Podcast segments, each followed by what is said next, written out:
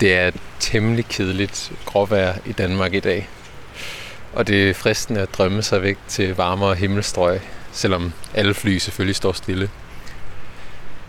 Ikke desto mindre skal vi faktisk om på den anden side af jorden i dag, nemlig til Korea, hvor Emilie befinder sig i forbindelse med et udvekslingsophold.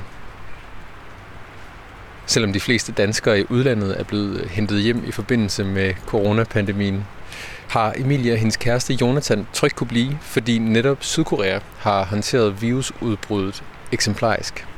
Så det skal vi høre en lille smule om. Men det, som jeg er mest nysgerrig på, er sådan set noget helt andet.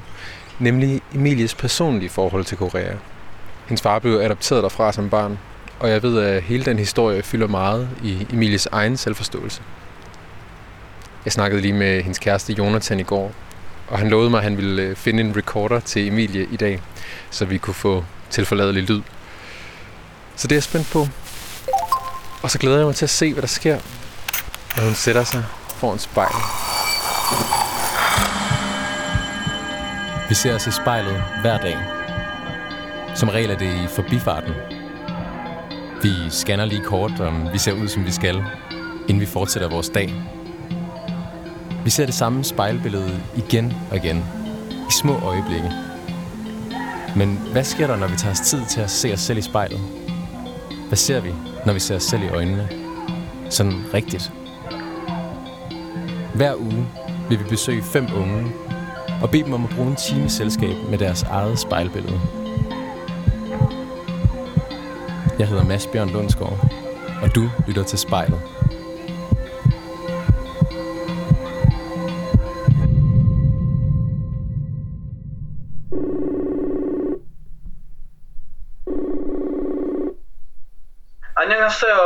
Hej. Hej. Jeg har indstillet den her store motherfucker en recorder her. Okay. Hvis du holder til den her vinkel, tror du, det vil være okay? Ja, det er sikkert fint. Ja. Altså, går du så, eller hvad? Ja, jeg tror, jeg måske jeg smutter ud. Tak for hjælpen, Jonathan. Okay, vi ses. Hej. Så, Kan du se dig selv på den der? ja. Altså, jeg har måske sådan et lille, lille bitte make-up spejl. Tror du, det var bedst? Øhm, måske begge dele. måske begge dele. Så kan du skifte lidt perspektiv. Ja. Og kan du se, om den tæller sekunder, din optager der? Altså, det gør den ikke lige nu, for jeg ikke har startet den. Men skal jeg lige starte den? Ja, det må du gerne. Den tæller sekunder. Hvad så? Hvor, øh, hvor er det, du sidder henne? Jamen, øh, lige nu sidder jeg i øh, min lejlighed i øh, Suwon i Sydkorea. Vil du fortælle mig lidt om, hvordan den ser ud indenfra? Ja, det er, det er en etværelses, altså et lille studio. Så øh, det ligner lidt en øh, hotellejlighed. Ingen ovn, men, øh, men en multicooker, der kan, der kan koge ris og, og suppe og så videre. Så står der et øh, klaver i hjørnet, og øh, et lille bord, som jeg sidder ved nu her, nede på gulvet. Øhm, da vi faktisk ikke har nogen stole. og så, øhm, så ligner det lidt, at det faktisk bare er en, øh, en lejlighed, som to øh, danske rejsende er flyttet ind i. Vi har prøvet at sætte nogle, øh, nogle billeder op af vores venner og vores familie, for at gøre det lidt mere hjemligt. Emilie, vil du ikke lige øh, forklare mig, hvorfor du er i øh, Suwon i Sydkorea? Jamen, jeg er i Sydkorea lige nu, fordi at øh, jeg er taget på udveksling. Øh, jeg studerer normalt på Malmø Universitet øh, i Sverige, og derfor har jeg været her siden 25. februar. Jeg havde faktisk først søgt om at komme til Canada, øh, men øh, blev desværre så ikke nomineret dertil. Og så lidt tid efter, så kom anden øh, ansøgningsomgang. Og så så jeg, at der stadig var pladser i, øh, her i Korea. Og så tænkte jeg, den her chance kan jeg ikke, øh, kan jeg ikke øh, gå glip af. Fordi at jeg har været her før med min far og min søster. Fordi at øh, min far han er adopteret fra Korea. Jeg var 13, og min søster var jo så nok 15. Der øh, valgte han at tage os med til Korea, fordi at øh, da han var ung, der tog han derud sammen med min mor og boede. Og øh, fandt også faktisk noget af sin familie øh, og oplevede landet. Og det ville han også gerne vise os. Hvordan var den oplevelse? Kan du huske det? Jamen, det var en helt vild oplevelse. Vi har altid som familie været enormt meget ude at rejse, men det var første gang til Asien, i hvert fald øh, for mit vedkommende. Og så, øh, jamen, på grund af vores historie, så betød det enormt meget for mig, især dengang. Jeg vidste ikke, hvad Korea var. Jeg vidste bare, det her, det her, øh, min far han blev født, og det, det skal jeg se. Mm. Og så da du fik muligheden for at komme tilbage et halvt år, så måtte du bare slå til. Ja, og det er sjovt, fordi altså, da, da vi først skulle sådan forholde os til udvekslingen, der så jeg, der var pladser til Korea, man kunne ansøge, men, men på en eller anden måde, så der var et eller andet, der afholdt mig for at gøre det. Og så det, at jeg fik nej til mit andet udvekslingssted, og så ligesom skulle igennem den proces igen, det var en helt anden oplevelse. Det var som om, at, at jeg kunne ikke gøre andet end at søge om Korea. Og jeg, og jeg forstår ikke, hvorfor jeg ikke havde gjort det fra starten af. Men måske havde jeg bare brug for lidt tid til at, at finde ud af, at det egentlig var det, der var rigtigt for mig. Og jeg tror egentlig ikke på skæbne, fordi skæbnen gør mig lidt, øh, gør mig lidt bange. Men jeg tror på, at nogle gange, så sker ting, fordi at det er rigtigt for en.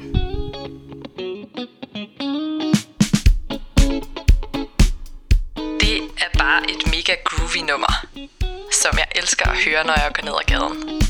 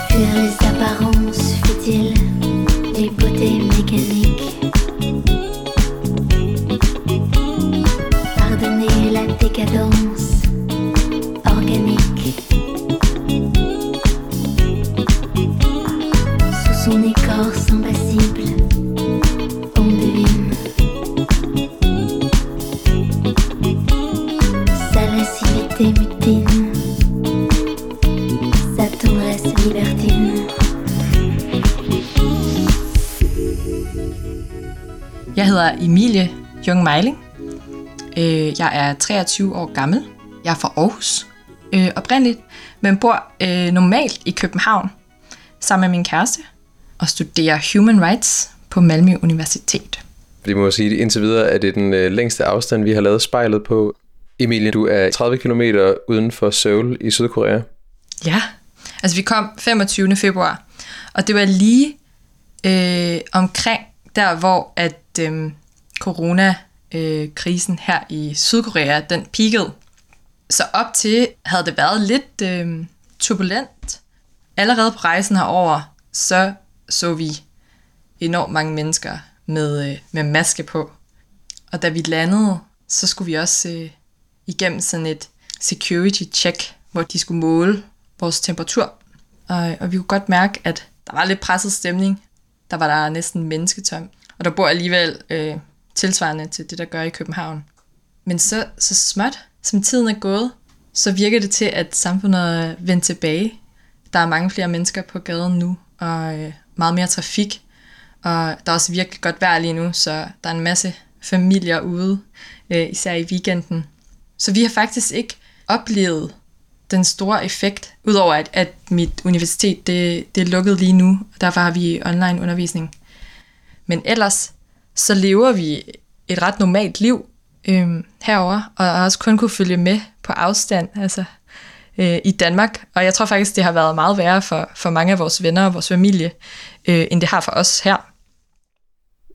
Emilie, du har jo øh, indvillet i at sætte dig foran spejlet, det digitale spejl, øh, og et lille make spejl også.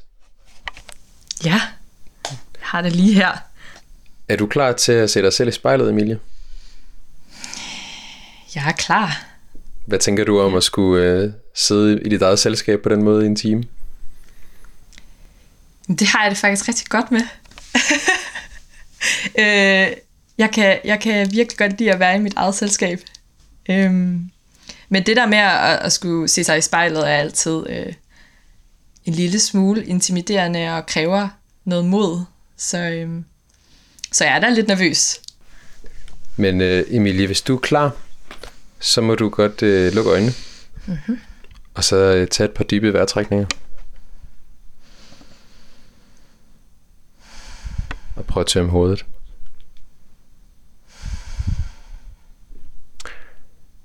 Og så åbn øjnene, og du kigger dig selv i dit lille make spejl. Ja. Og tage dig et par sekunder til lige sådan at tage det ind. Hvad ser du, Emilie? Jeg ser øh, en ung kvinde med øh, et forholdsvis rundt hoved. Nogle rigtig gode kinder. De er fyldige.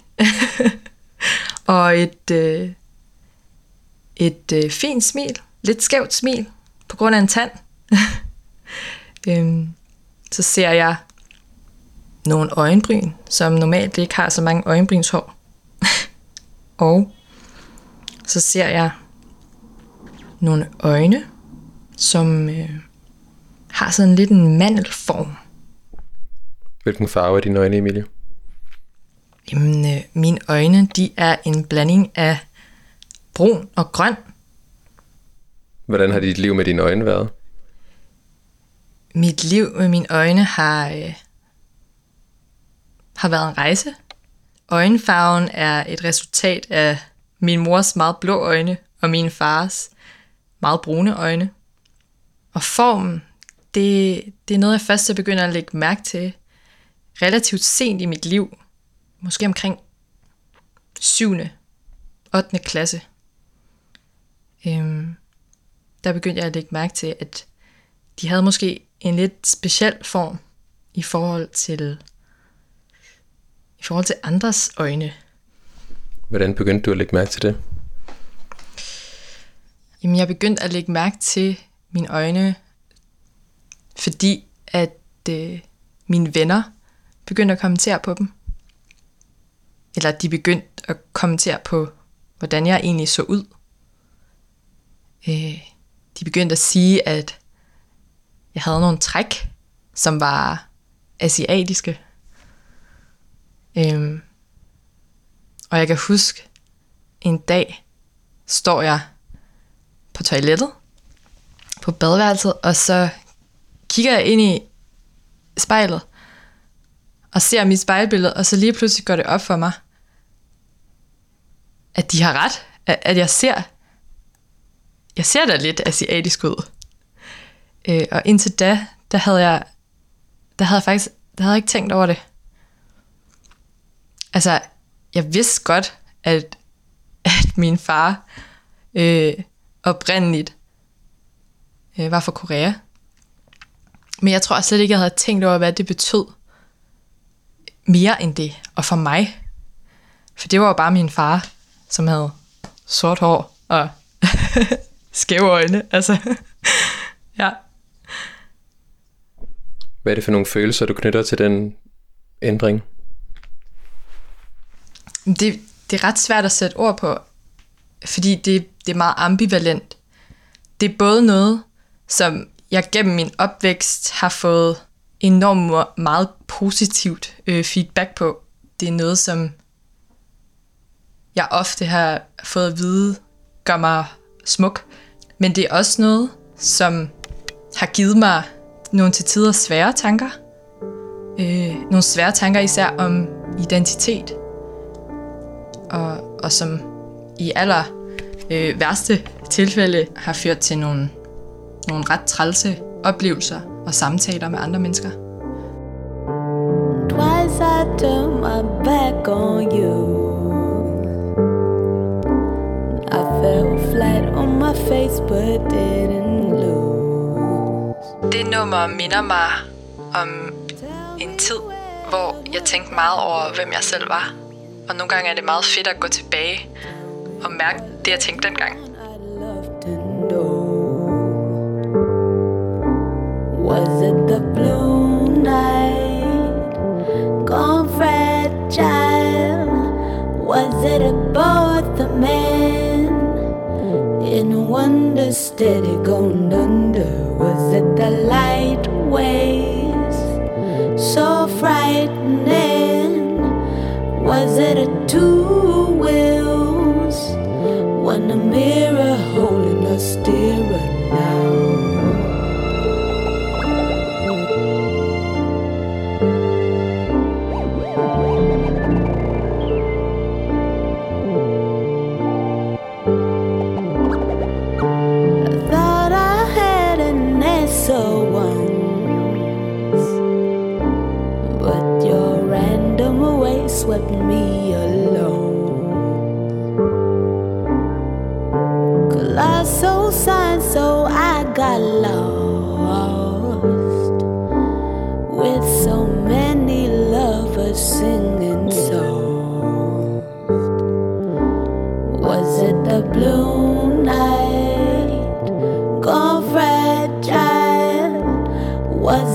About the man?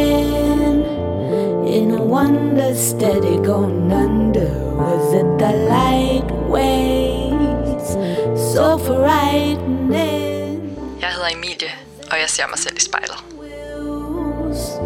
When a mirror holding us steering now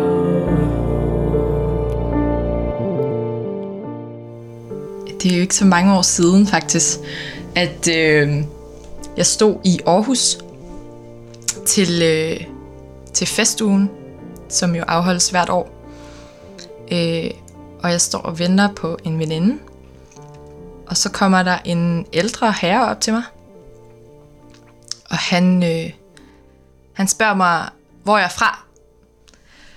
Og jeg siger øh, rigtig aarhusiansk, øh, jeg er herfra. og så siger han, øh, nej nej, altså hvor er du fra? Han siger, jeg er fra Aarhus. Og på det her tidspunkt, øh, der, kan jeg, der kan jeg selvfølgelig godt mærke, hvad det er, han øh, fisker efter.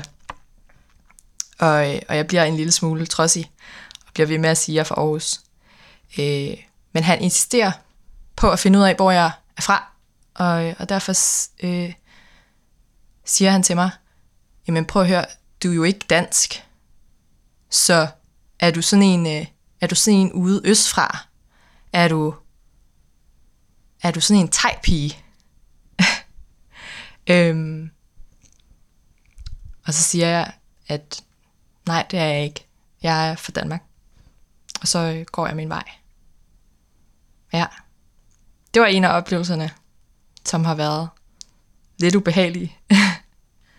det er bare en ud af mange, øh, som både jeg og, og min søster har oplevet, så jeg tror bare, at på et, på et eller andet tidspunkt bliver man også sådan lidt øh,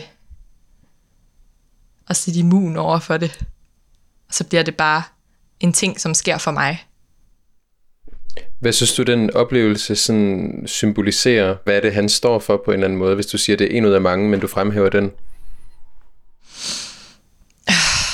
Jeg tror, at grund til, at jeg fremhæver lige den, at, at den oplevelse rummer enormt meget.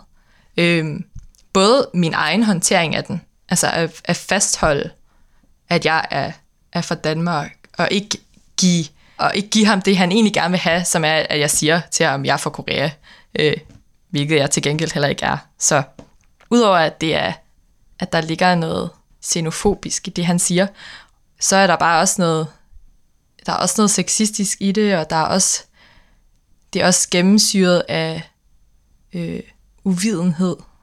Det er sådan, jeg tolker det. Emilie, når du øh, ser dig selv i spejlet, hvor ser du så dine forældre henne?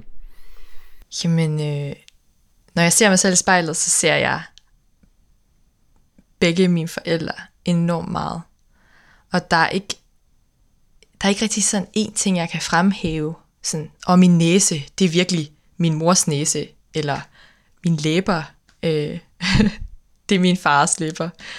Øh, men jeg ser et resultat af, af nogle øh, traditionelt set meget øh, danske øh, træk, og øh, nogle meget koreanske træk. Hvor ser du de meget danske træk henne? Og jeg tror, at det er, øh, at det øh, er mine, øh, mine røde kinder. De har altid godt med farve. og, øhm, og, min, og min hudfarve, den synes jeg sgu også er meget dansk, hvis, hvis den, den kan være det. Ja. Ej, altså min mor, hun har jo lyst hår og, og krøller og, og blå øjne. Og min far har jo helt mørkt, ja, sort hår, og ser jo selvfølgelig øh, koreansk ud. Og hvilken farve hår har du? Jamen, jeg har øh, sådan en, øh, jeg tror, man vil sige mørkbrun. Så det er sådan, alle træk er lidt en blanding. Ja, jeg tror, det kommer meget frem, især på, på billeder, så kan jeg se, wow, lige der, der ligner jeg godt nok min mor, når jeg smiler. Men så har jeg billeder også med min far, hvor jeg tænker, hold da op, det, jeg kan ikke øh, løbe fra, at jeg er hans datter. så, øh, så det er en god blanding, vil jeg sige. Hvad er det for nogle følelser, der er i det der med at ligne sine forældre for dig? Ej, det synes jeg er mega dejligt. Øhm, det har altid, jeg tror, især siden at det gik op for, for mig, at jeg måske så, øh, så lidt speciel ud, så har det der med at kunne spejle sig i nogle andre, været på en eller anden måde enormt vigtigt. Øhm, og det kan jeg med min mor, og det kan jeg også med min far, og det kan jeg i høj grad med, med min søster. Og det, det, det har egentlig altid været en rigtig dejlig, god følelse at kunne det. En følelse af ikke at føle sig udenfor. Øh, og ikke at føle sig anderledes, eller du ved, the odd one out. Og det var det, som dine klassekammerater fik dig til at føle, da de begyndte at stille de spørgsmål? Ja, og jeg tror ikke, at det var du ved, intentionelt øh, på nogen måde. Jeg tror bare, du ved, når man går i folkeskole, og så i den, i den alder, så begynder det der med ens udseende at, at, at betyde meget, og man kommenterer meget på hinanden, og det er meget det, man snakker om. Og, og jeg tror egentlig, den følelse, det gav mig, øh, var en følelse af ikke helt at vide, hvem jeg var. Hænder på din krop. Man lærte mig, at din var min. Det, jeg kan helt vildt godt lide det, fordi det handler om det der med at have andres meninger og holdninger og hænder på sin krop hele tiden, som også nogle gange er det, jeg kan opleve. Andres hænder på din krop. Man lærte mig, at din er min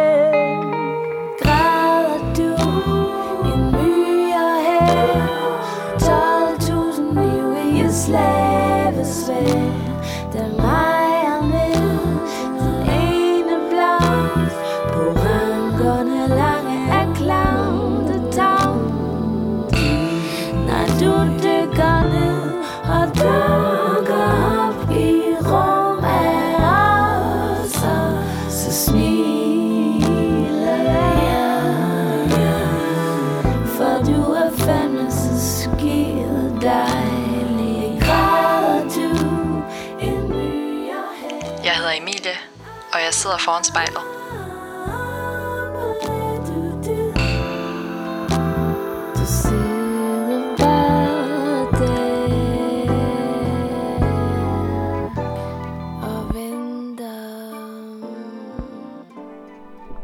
Hvad har du på, Emilie? Jeg har en, øh, en hvid t-shirt på, og en øh, kjole med sådan nogle små blomster på, øh, som er købt her i Korea. Så har jeg nogle øh, meget behagelige leggings på. De hedder Booty. Dem er jeg rigtig glad for. Dem har min mor givet mig.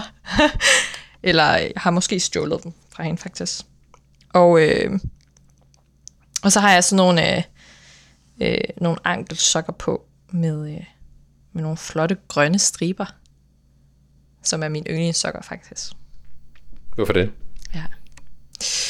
Jamen, øh, jeg synes bare, at de er sådan ret søde. Og, øh, og de startede med at være min kærestes. Øh, men nu er de migreret over til mig. Så det er jeg glad for. Og, øh, og så, så har de bare sådan en perfekt længde. Så når, når man har støvler på, øh, så kan man lige se de grønne striber. det synes jeg er lidt sødt. Som helhed, er det så en øh, sådan en koreansk mode, eller ser det der som sådan en københavner-mode derovre? Skandinavisk fashion? Nu har jeg faktisk også en jakke fra Uniqlo, som jeg fik i julegave. Og det er jo japansk, mener jeg. Så øh, altså, udover at øh, de kan se på mig, at jeg øh, er europæer, så, øh, så blender jeg rimelig meget ind. Øh, tøjmæssigt, vil jeg sige. Er det vigtigt for dig at blende ind tøjmæssigt? Nej, fordi det, det tror jeg også at jeg ved, at, at det kan jeg nok ikke. Øh, og, og især heller ikke, når jeg går ved siden af min meget danske kæreste. Så, øhm, Hvordan er han meget dansk? jamen, øh, ja, hvordan er han meget dansk? Altså, han er bare meget vestlig. Han, øh, nu har han ikke så meget hår på hovedet heller. Men det er måske en af tingene. Og så øh, har han en, øh, hvad jeg kalder en, en tegneserienæse. Sådan en, øh, altså meget flot, men øh, lidt stor og sådan en god vestlig næse, øh, som ikke rigtig kan være øh, i, i de masker, der bliver lavet herover heller. Men det kan din godt. Men det kan vi godt. Heldigvis, ja. Okay, så der er også der er nogle praktiske aspekter af det der med at være blandet. Ja, helt sikkert. Ja, det, det, øh, det virker til min fordel lige nu i hvert fald.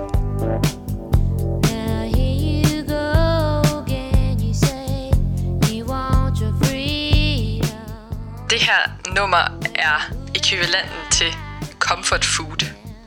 Det er mit comfort musiknummer. It's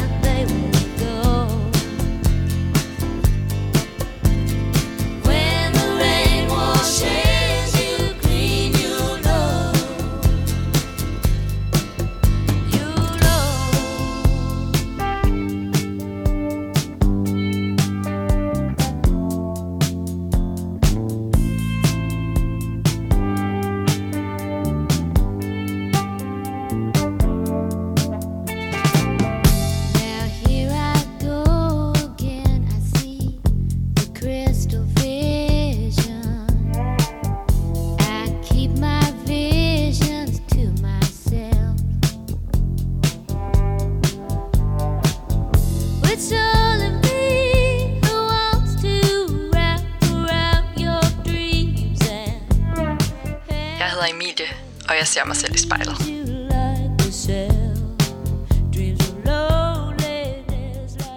Den situation, som du lige fortalte mig om, om før med den her mand, som, som meget sådan øh, aggressivt blev ved med at insistere på at spørge, hvor du er fra. Og, og du blev ved med at svare, jeg er fra Aarhus. Og det jeg tænker i det, det er jo, jamen det er jo også, altså det er jo også det rigtige svar, fordi at du er jo fra Aarhus. Kan du prøve at sætte nogle ord på det der med sådan på den ene side, og godt at vide, at man har træk, der kommer et andet sted fra, men være dansk? Det er jo et helt vildt svært spørgsmål, fordi at jeg, jeg har ikke, altså jeg har ikke svarene. Øhm, jeg har ikke, det, jeg har ikke tænkt tanken færdig. Jeg er stadig helt vildt meget i proces. Det er også derfor, jeg er her i Sydkorea lige nu. Øhm, men det er jo rigtig svært at få det spørgsmål, fordi at jeg i, altså jeg kulturelt set, øh, og, og øh, ja, og sådan set også på alle andre måder føler mig dansk, og føler mig lige så dansk som, som alle andre. Øh, samtidig med, at jeg jo godt ved, at i min historie, min personlige historie, min families historie, ligger der også noget andet, som jo også er mit, og som også er mig, og som er en del af mig. Øhm, så derfor er jeg enormt optaget af lige, lige nu, og har været i de i senere år, om hvad jeg må sige, jeg er, og hvad jeg egentlig er, og hvad jeg har ret til at være, hvad, hvad er egentlig legitimt for mig som person. Og det har, det har virkelig øh, medført nogle, nogle komplekse refleksioner om, omkring identitet. Fordi på mange måder vil jeg sige, at jeg, jeg er dansker, 100%. Men, men jeg sidder stadig her i Korea lige nu. Øh, og jeg har, jeg har været her to gange før. Og jeg har også tidligere haft et ønske om at, at finde noget af min øh, familie, ser jeg i godstegn her, altså herover. Din fars biologiske familie? Ja, lige præcis. Jamen, historien er, at, øh, at min far som toårig mister sin mor. Øh, sin koreanske mor. Øh, min fars koreanske far har en anden kone på det her tidspunkt. Og, øh, og konen ved ikke noget om min far, og at han er blevet til. Da hans øh, koreanske mor dør, der kommer han så hen til sin far, og, øh, og det skaber selvfølgelig en hel masse øh, kaos i den familie. De havde ikke selv en søn sammen. Så øh, derfor beholdt de min far i noget tid. Om det er derfor, at de sender ham på børnehjem eller ej, det er sådan jo selvfølgelig lidt usikkert og sløret og sådan, men, men de får i hvert fald selv en søn. Og også i den her tid, altså det er jo i start 70'erne, der er der stadig meget skam og ære tilknyttet til familie i Korea. Og det var selvfølgelig øh, skamfuldt for, øh, for den familie, at, øh, at min far var blevet født. Men så har de ham jo nok i et par år, og så, øh, så en dag, så kommer der en mand, og så tager han min far væk, og, øh, og han bliver så sendt på et børnehjem. Og så øh, kommer han til Danmark, og flytter ud øh, til Ryumgård øh, med min farmor og farfar, og øh, senere møder jo så min mor øh, på Paderøb øh, Gymnasium i Randers. Og så tager det ene ligesom det andet, og her er vi. Ja, jeg har altid været ret øh, fascineret af den historie. Det var på en eller anden måde den historie, der gav mig også en ramme og, og en rammefortælling om, hvem jeg er, og hvor kan jeg sætte mig hen, eller hvor kan jeg placere mig, eller du ved, jeg tror især som barn, så bruger man jo enormt meget de der rammer, ens forældre giver en, eller de historier, de giver en, til at forklare, hvem man er. Fordi det er jo klart, det ved man ikke så meget om, når, når man er så lille.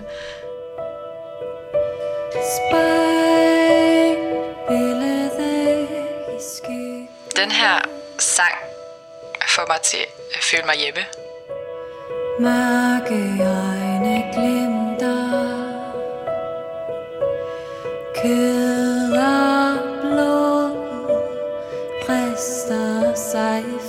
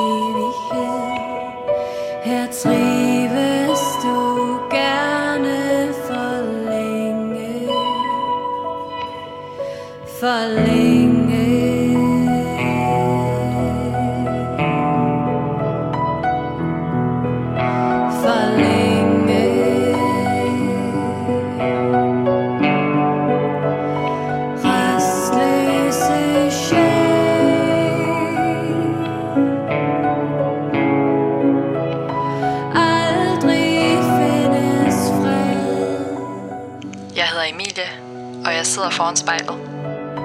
Rodløse sjæl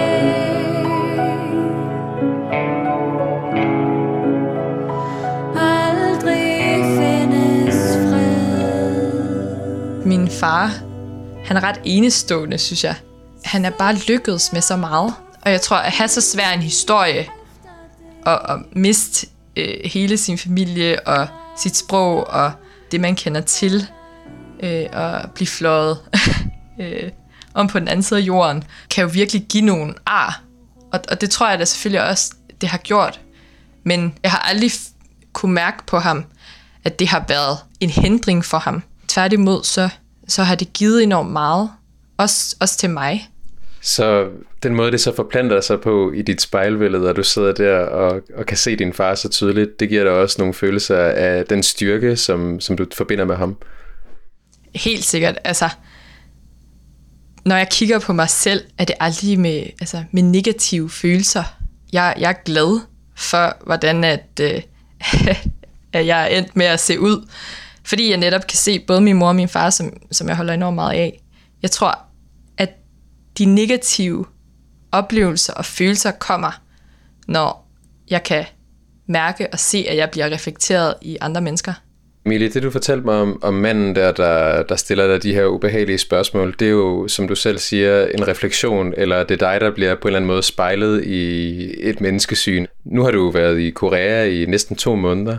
Kan du prøve at sætte nogle ord på, hvordan din oplevelse af at blive spejlet i befolkningens øjne øh, er anderledes der? Jamen, øh, det er en, en helt anden oplevelse øh, her. Jeg har kun oplevet, at folk har spurgt, hvor jeg er fra. Jeg har svaret Danmark, og de har sagt, okay. Der er ikke nogen, der har udfordret det. Og det, det har været en ret speciel oplevelse, fordi da jeg var her første gang med min far, øh, der var der enormt mange øh, mennesker, der kom op til mig og min søster og spurgte, Jamen, hvad der, hvad der galt med, altså, hvad der galt med jeres ansigter? Øh, nu skal jeg lige sige, altså, de er ikke altid virkelig gode til øh, engelskkoreanerne, og, og de er også meget øh, nysgerrige og, og direkte, så øh, der ligger ikke noget dårligt i det. Men nu, øh, uden ham at være her, der, der oplever jeg ikke, at der er nogen, der, der spørger mig. Og det er på en eller anden måde en ret befriende oplevelse, ikke at skulle blive udfordret på, hvem man er, og hvor man er fra. Men det giver også en følelse af rodløshed, af at vide, at okay, her, her kan jeg ikke helt passe ind, eller her kan jeg i hvert fald ikke sige, at jeg er fra, for det, det vil folk nok heller ikke tro på. Øh, Men der, hvor jeg føler, at jeg er fra, der bliver jeg, der bliver jeg hele tiden udfordret på det. Det er en lidt skæv oplevelse. Eller det er sådan en, en puslespilsbrik, der ikke helt passer noget sted. Ja, men, men jeg tænker tit på, at, at sådan må, må flere og flere mennesker jo have det. Så jeg tænker, jeg har tit tanker om, om andre også har det, som jeg har det. finder, finder sådan nogen som os nogensinde et sted i verden, hvor, hvor man kan føle, at man hører til. Se, hvor modig jeg at jeg lever i min krop.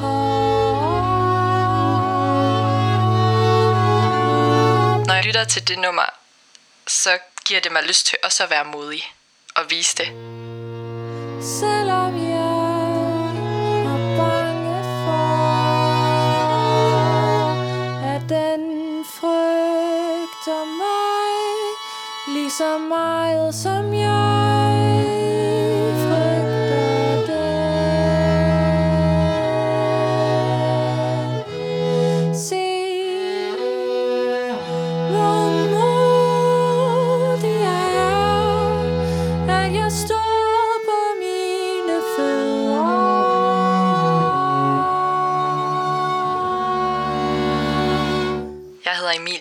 og jeg ser mig selv i spejlet. Selvom jeg er bange for at fra mit tunge, tunge hoved vil styrte ned som en lavine. Emilie, du snakkede lidt om øh, legitimitet tidligere, og om det der med, sådan, hvem der har retten til at sige, øh, hvad man er.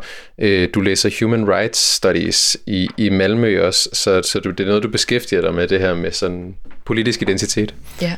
Øhm, kan du prøve at sætte nogle flere ord på, hvad det er for nogle tanker, du gør dig?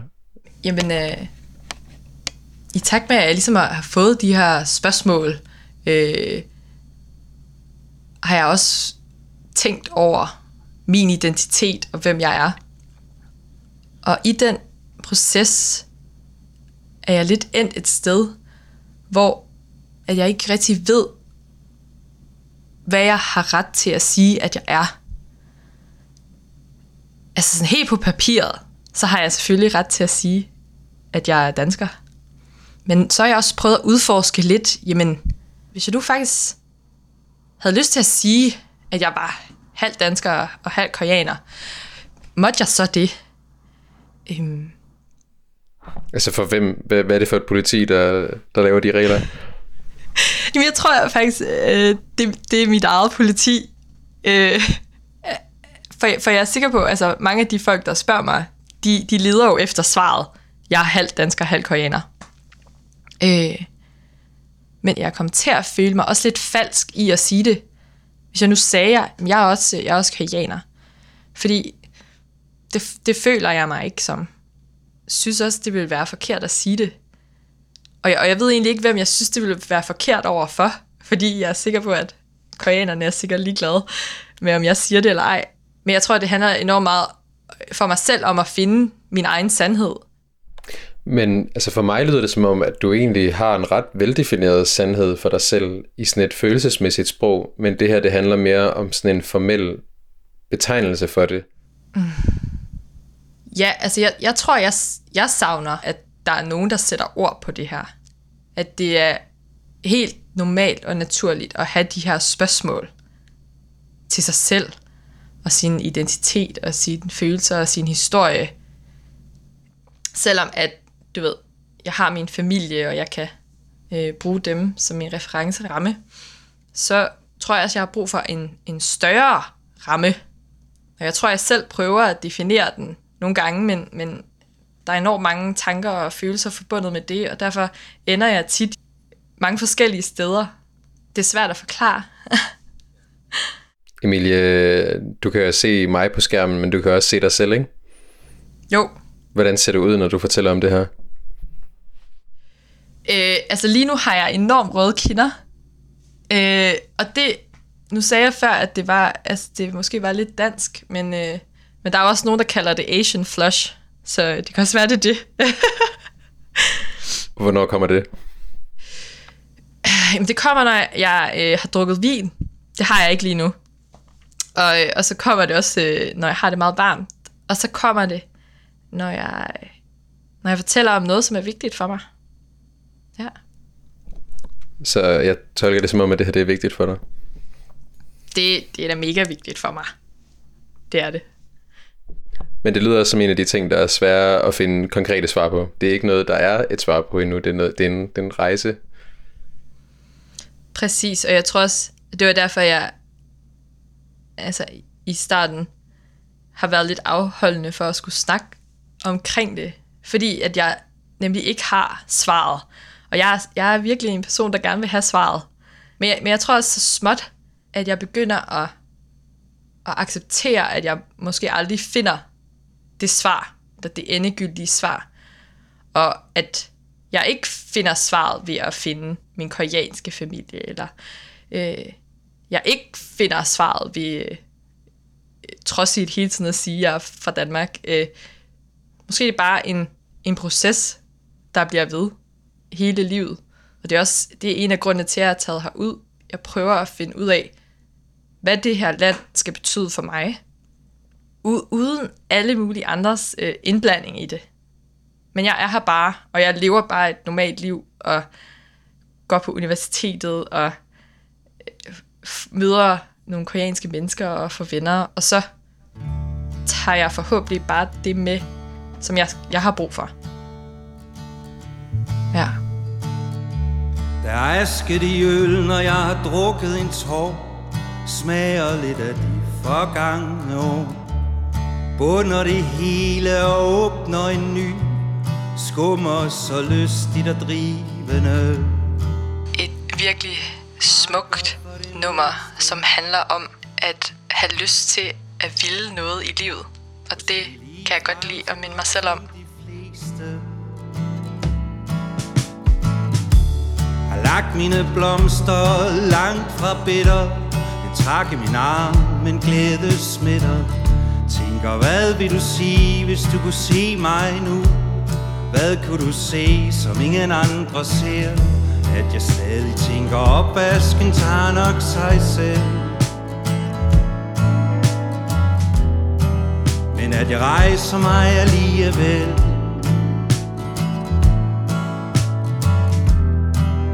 Tømmer endnu en halv tom kop Og vasker den op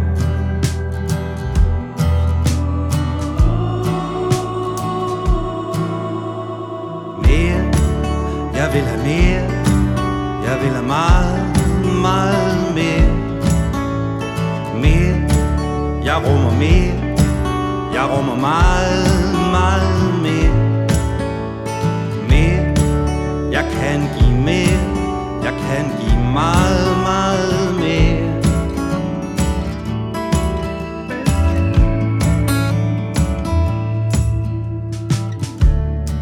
Så er det ud, så er det sagt Med al min vilje, styrke og magt Har gået på linen og gået i stå. Mærker stille jorden uden helt at forstå. Jeg er fri, ikke færdig. Selv erklæret, modig og værdig.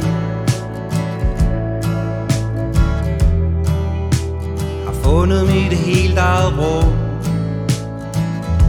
Er det alle forundt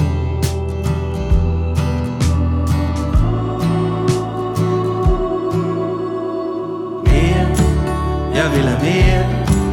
Jeg vil have meget, meget mere. Mere, jeg rummer mere. Jeg rummer meget, meget mere. Mere, jeg kan mere. Jeg kan give meget, meget mere. Mere, jeg vil have mere. Jeg vil have meget, meget mere. Mere, jeg rummer mere.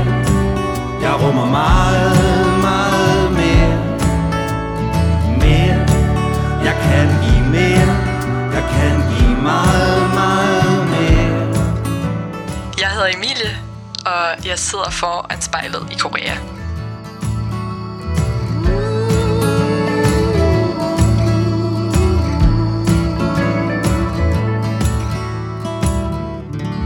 Emilie, hvis du forestiller dig, at spejlet er et videokamera, Det er det jo også ret konkret, men hvis du forestiller dig, at vi optog en videobesked til Emilie, der står der foran spejlet som barn, og klassekammeraterne spørger ind til øjenfarven. Og hvis du skulle forklare den Emilie, hvem du er lige nu, hvad tror du så, du vil sige? Jamen, jeg tror, jeg vil sige til en, at hun skal nok blive en, øh, en, en ung kvinde øh, med masser på hjerte og en hel masse følelser og en hel masse tanker. Men at det er okay, og at hun bare skal give plads til det. Og så bare se, hvad der sker med det. Ja. Nu er det ved at blive aften hos dig, Emilie. Ja, klokken den er øh, faktisk ved at være halv seks om aftenen her i Korea. Hvad skal I lave i aften?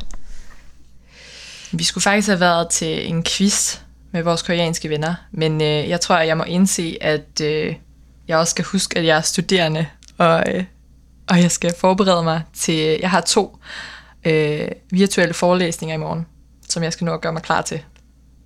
Så øh, det skal jeg i gang med her bagefter. Hvordan synes du, det er at sætte dig selv i spejlet nu, i forhold til for en time siden? Jeg synes, jamen jeg synes som sagt altid, at det er, er ret fedt at se sig selv i spejlet.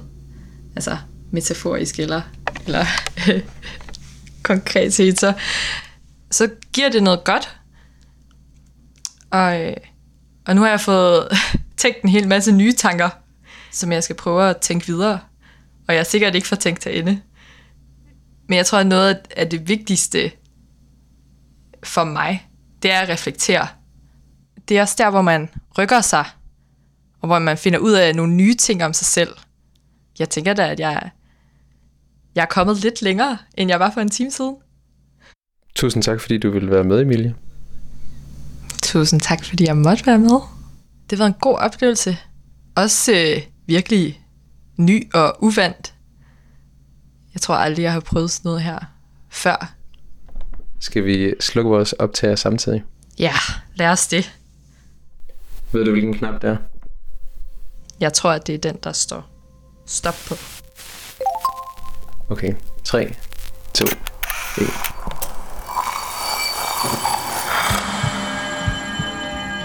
Du har lyttet til spejlet. Produceret af Kontrafej, klippet og tilrettelagt af mig. Jeg hedder Mads Bjørn Lundsgaard, og vores redaktør er Kim Pilvester. Musikken blev valgt af personen foran spejlet, og du kan finde spejlets playliste på din streamingtjeneste.